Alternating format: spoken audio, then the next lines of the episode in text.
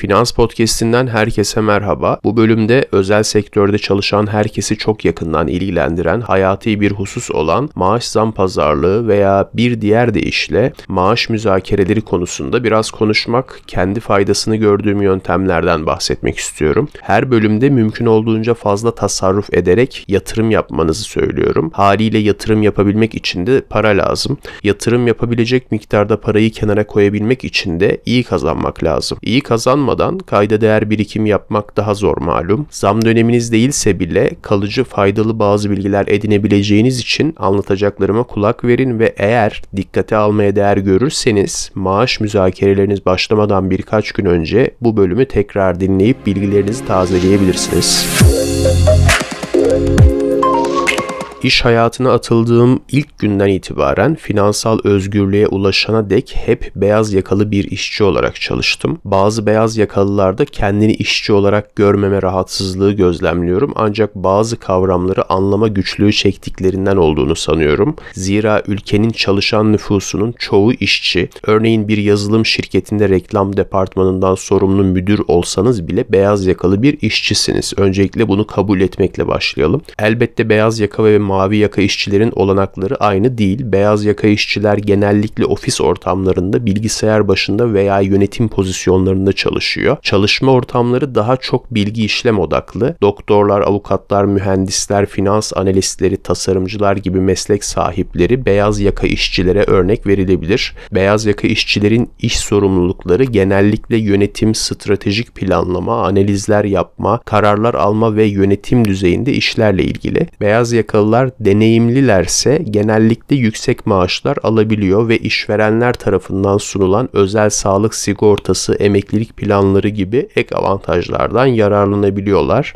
Mavi yaka işçiler daha çok fiziksel işlerde üretim, inşaat veya bakım gibi bedensel feragat gerektiren görece daha zahmetli alanlarda çalışıyor ve ne yazık ki sistemin müsaade ettiği kadarıyla mümkün olduğunca düşük maaşlar verilerek sömürülüyorlar. İnşaat işçileri, otomobil işçileri, fabrika personeli, temizlikçiler gibi meslekler mavi yakalılara örnek verilebilir. Mavi yakalı işçiler genellikle elle çalışma, teknik beceriler, onarımlar ve üretim gibi fiziksel işlerle ilgilenirler. Sendika üyeliği gibi faktörler mavi yaka işçilerinin iş koşullarını ve maaşlarını iyileştirebilse de maaş müzakereleri konusunda beyaz yakalılar kadar özgür değiller. Başlangıçta sektörün el verdiği ölçüde düşük bir maaşla işe alınıyorlar. Zam dönem dönemlerinde de bir maaş belirleniyor ve o maaşa razı gelmek zorunda kalıyorlar. İtiraz edebilecekleri kişiler çoğunlukla karar merci olmuyor ve müzakereler çoğu zaman işçi bakış açısından mutlu sonlanmıyor. Bu bölümde bahsedeceğim şeyler tam da bu nedenle mecburen öyle olmasını özellikle istemesem de beyaz yakalıları daha çok ilgilendiriyor ve onların daha çok faydalanmasını sağlayabilecek bilgiler olacak. Maaş müzakerelerinin önemi işçi için finansal güvence sağlamak sağlamakla başlar ancak aynı zamanda işveren için de verimliliği artırma potansiyeli taşır. Bu nedenle iş yerinde maaş müzakereleri oldukça değerli. Maaş dediğime bakmayın ağız alışkanlığından o şekilde ifade ediyorum ancak beyaz ve mavi yaka işçilerin aldığına maaş değil ücret deniyor aslında. Memurlar gibi ödemesini çalışacağı ayın başında önden alanlarınkine maaş deniyor. Bu konuda ödeme miktarı belliyse özel sektör çalışanlarınkine de maaş denildiği konusunda görüşler de olduğu için için ben yine özel sektör aylığı ya da ücretli yerine alışılmış terim olan maaş ile devam edeceğim anlatmaya. Maaş müzakereleri genellikle yeni bir iş teklifi alırken veya mevcut bir pozisyonun ücretinin gözden geçirilmesi gerektiğinde yapılıyor. Ayrıca yıllık performans değerlendirmeleri sırasında da bu konu ele alınabilir. Enflasyonist ülkelerde ara zamlara ihtiyaç duyulması nedeniyle bu müzakerelerin sayısı normalden fazla olabiliyor. Maaş müzakerelerine başlamadan önce ilk olarak sektör standartları standartlarını ve benzer pozisyonlardaki maaş aralıklarını araştırmalısınız. Bunları elde edebileceğiniz çok fazla kaynak var. Örneğin Glassdoor, Indeed,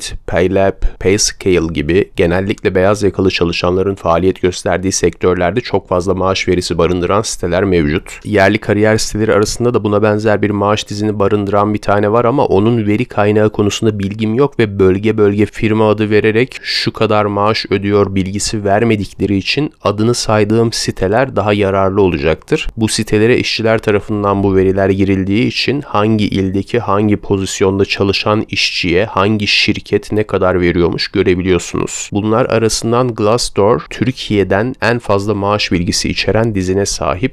Dolayısıyla reklamcı, yazılımcı, editör, avukat ya da sekreter olmanız fark etmez. Bu siteden sektörünüzde geçerli olan güncel maaş aralıklarını görebilmeniz mümkün. Bunların dışında yazılımcılar ve tasarımcılar gibi sosyal medyada daha hiperaktif meslek grupları için Twitter'da yeni adıyla X'te neredeyse her yıl 2-3 kez binlerce meslek erbabının katıldığı büyük maaş anketleri de oluyor. Bu anketlerden de maaş ve sunulan yan haklarla ilgili ayrıntılı bilgiler edinmeniz mümkün. Ancak bu veriler ışığında kişisel becerilerinizi, deneyiminizi ve katkılarınızı vurgulayan bir değer teklifi hazırlamak önemli. Yani falanca şirket benim işimi yapan bir çalışana şu kadar veriyormuş, ben de o kadar isterim şeklinde olmamalı. Ayrıca benzer iş yapan arkadaşlarınız ve LinkedIn gibi platformlardaki sektörden bağlantılarınızla da bilgi alışverişi yaparak endüstri standartlarını öğrenmeniz mümkün. Pazarlık stratejileri işverenin ihtiyaçlarına ve pozisyonun taleplerine dayalı olarak değişebilir. Ancak beceri ve katkılarınızı odaklanarak rakamlarla desteklenmiş bir talepte bulunmak her zaman etkili bir taktik. Empati, dinleme becerileri ve açık iletişim maaş müzakerelerinde kritik öneme sahip. İşverenin ihtiyaçlarını anlamaya çalışmalı ve taleplerinizi açıkça ifade etmelisiniz. Kimle müzakere ettiğinize ya da edeceğinize göre onun sizin değerlerinizi anlayabileceği bir yöntemle stratejinizi geliştirmeli ve meramınızı anlatmalısınız. Yeni bir iş için maaş müzakeresi yapıyorsanız ilk teklifi hemen kabul etmek yerine teklifi değerlendirmek ve gerekçelerinizi açıklamak için biraz zaman alabilirsiniz. İşverenle işbirliği yapmaya istekli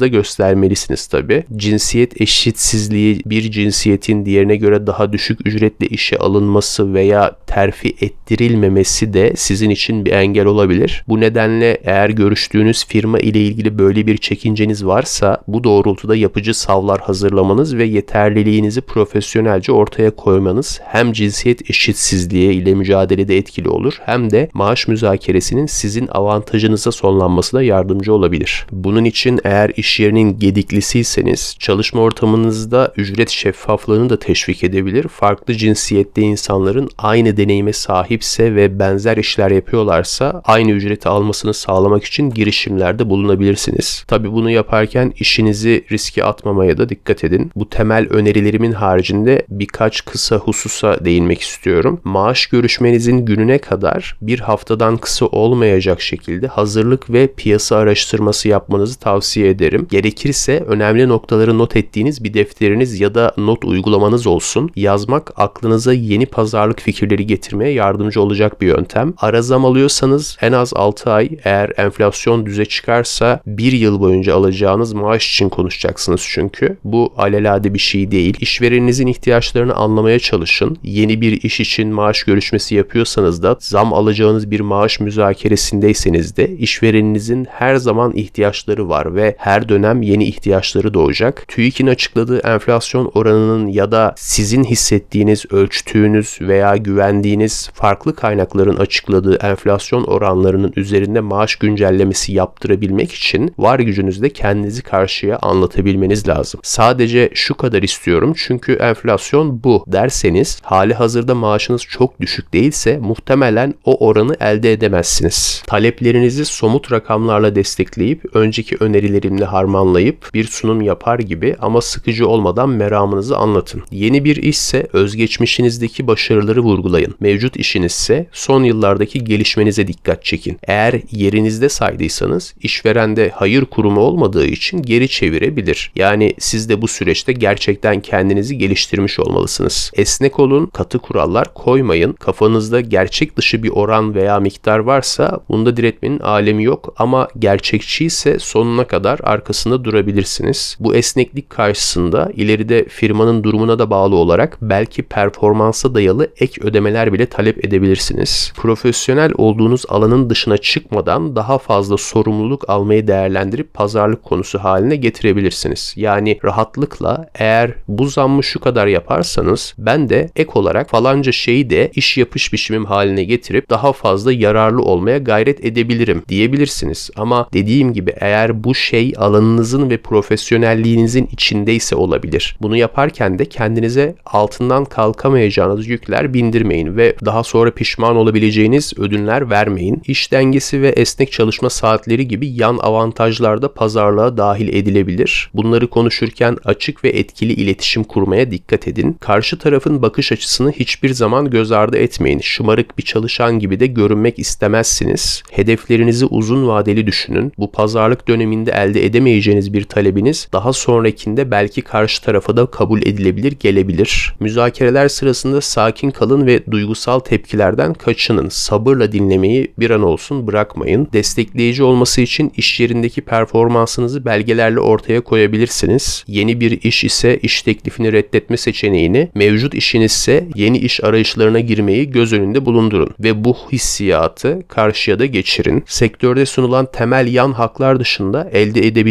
eğitim ve gelişim fırsatlarını sorgulayın. Örneğin istediğiniz oranda zam alamıyorsanız bunun yerine her yıl mesleğinizle ilgili sizi geliştirecek etkinliklere ve programlara katılmayı talep etmek gibi. Eğer çok ödün vermeniz gerekmiyorsa ve devam etmek istiyorsanız işvereniniz de gelecekteki maaş artışlarında önden konuşabilirsiniz. Bu sene böyle yaptıysak seneye şu hususu dikkate alalım o zaman gibi. Ek olarak görüşme süresince işverenin size sunabileceği sizin aklınızda bile olmayan başka şeyler varsa bunları keşfetmeye çalışın. Bütün bunların sonucunda sizin öyle olduğunu düşündüğünüz emeğinizin karşılığı kadar olmasa bile en azından hakkınız olana yakın bir maaş alabilirsiniz. Bu sayede sabit gelire sahip bir çalışan olarak umuyorum ki daha fazla tasarruf edip yatırıma yönlendirebiliyor hale geleceksiniz. Bu haftalık Finans Podcast'inden bu kadar. Bu bölümde yatırım yapabilmek için en büyük kaynağınız olan maaşınızı nasıl artırabileceğinizi konuştuk. Bölümde anlattıklarımı uygulayıp yararlanabilirseniz diğer bölümlerde anlattıklarımın etkisi daha büyük olacaktır. Son olarak bir sonraki bölüme kadar bana Finans Podcast'i kullanıcı adı ile sosyal medya hesaplarım üzerinden veya finanspodcasti@gmail.com e-posta adresinden ulaşabileceğinizi hatırlatmış olayım. Bir soru cevap bölümü yapmayı veya sıradaki bölümlerden birinin sonuna soru cevap kısmı eklemeyi planlıyorum. Sorduklarınız arasından hemen yanıtlama fırsatı bulamadıklarımla birlikte sık sorulan ortak soruları da herkes faydalansın diye bu yayına dahil ederek toplu halde kaydetmeyi düşünüyorum. Bu kaç bölüm sonra olur bilmiyorum ama o zamana kadar sorduğunuz hiçbir soru boşa gitmiyor. Hepsini görüyorum. Hemen yanıtlanması gereken bir soru ise zaten gördüğümde yanıt veriyorum. Sorularınızı çekinmeden yöneltebilirsiniz. Önümüzdeki bölümde görüşmek üzere. Hoşçakalın.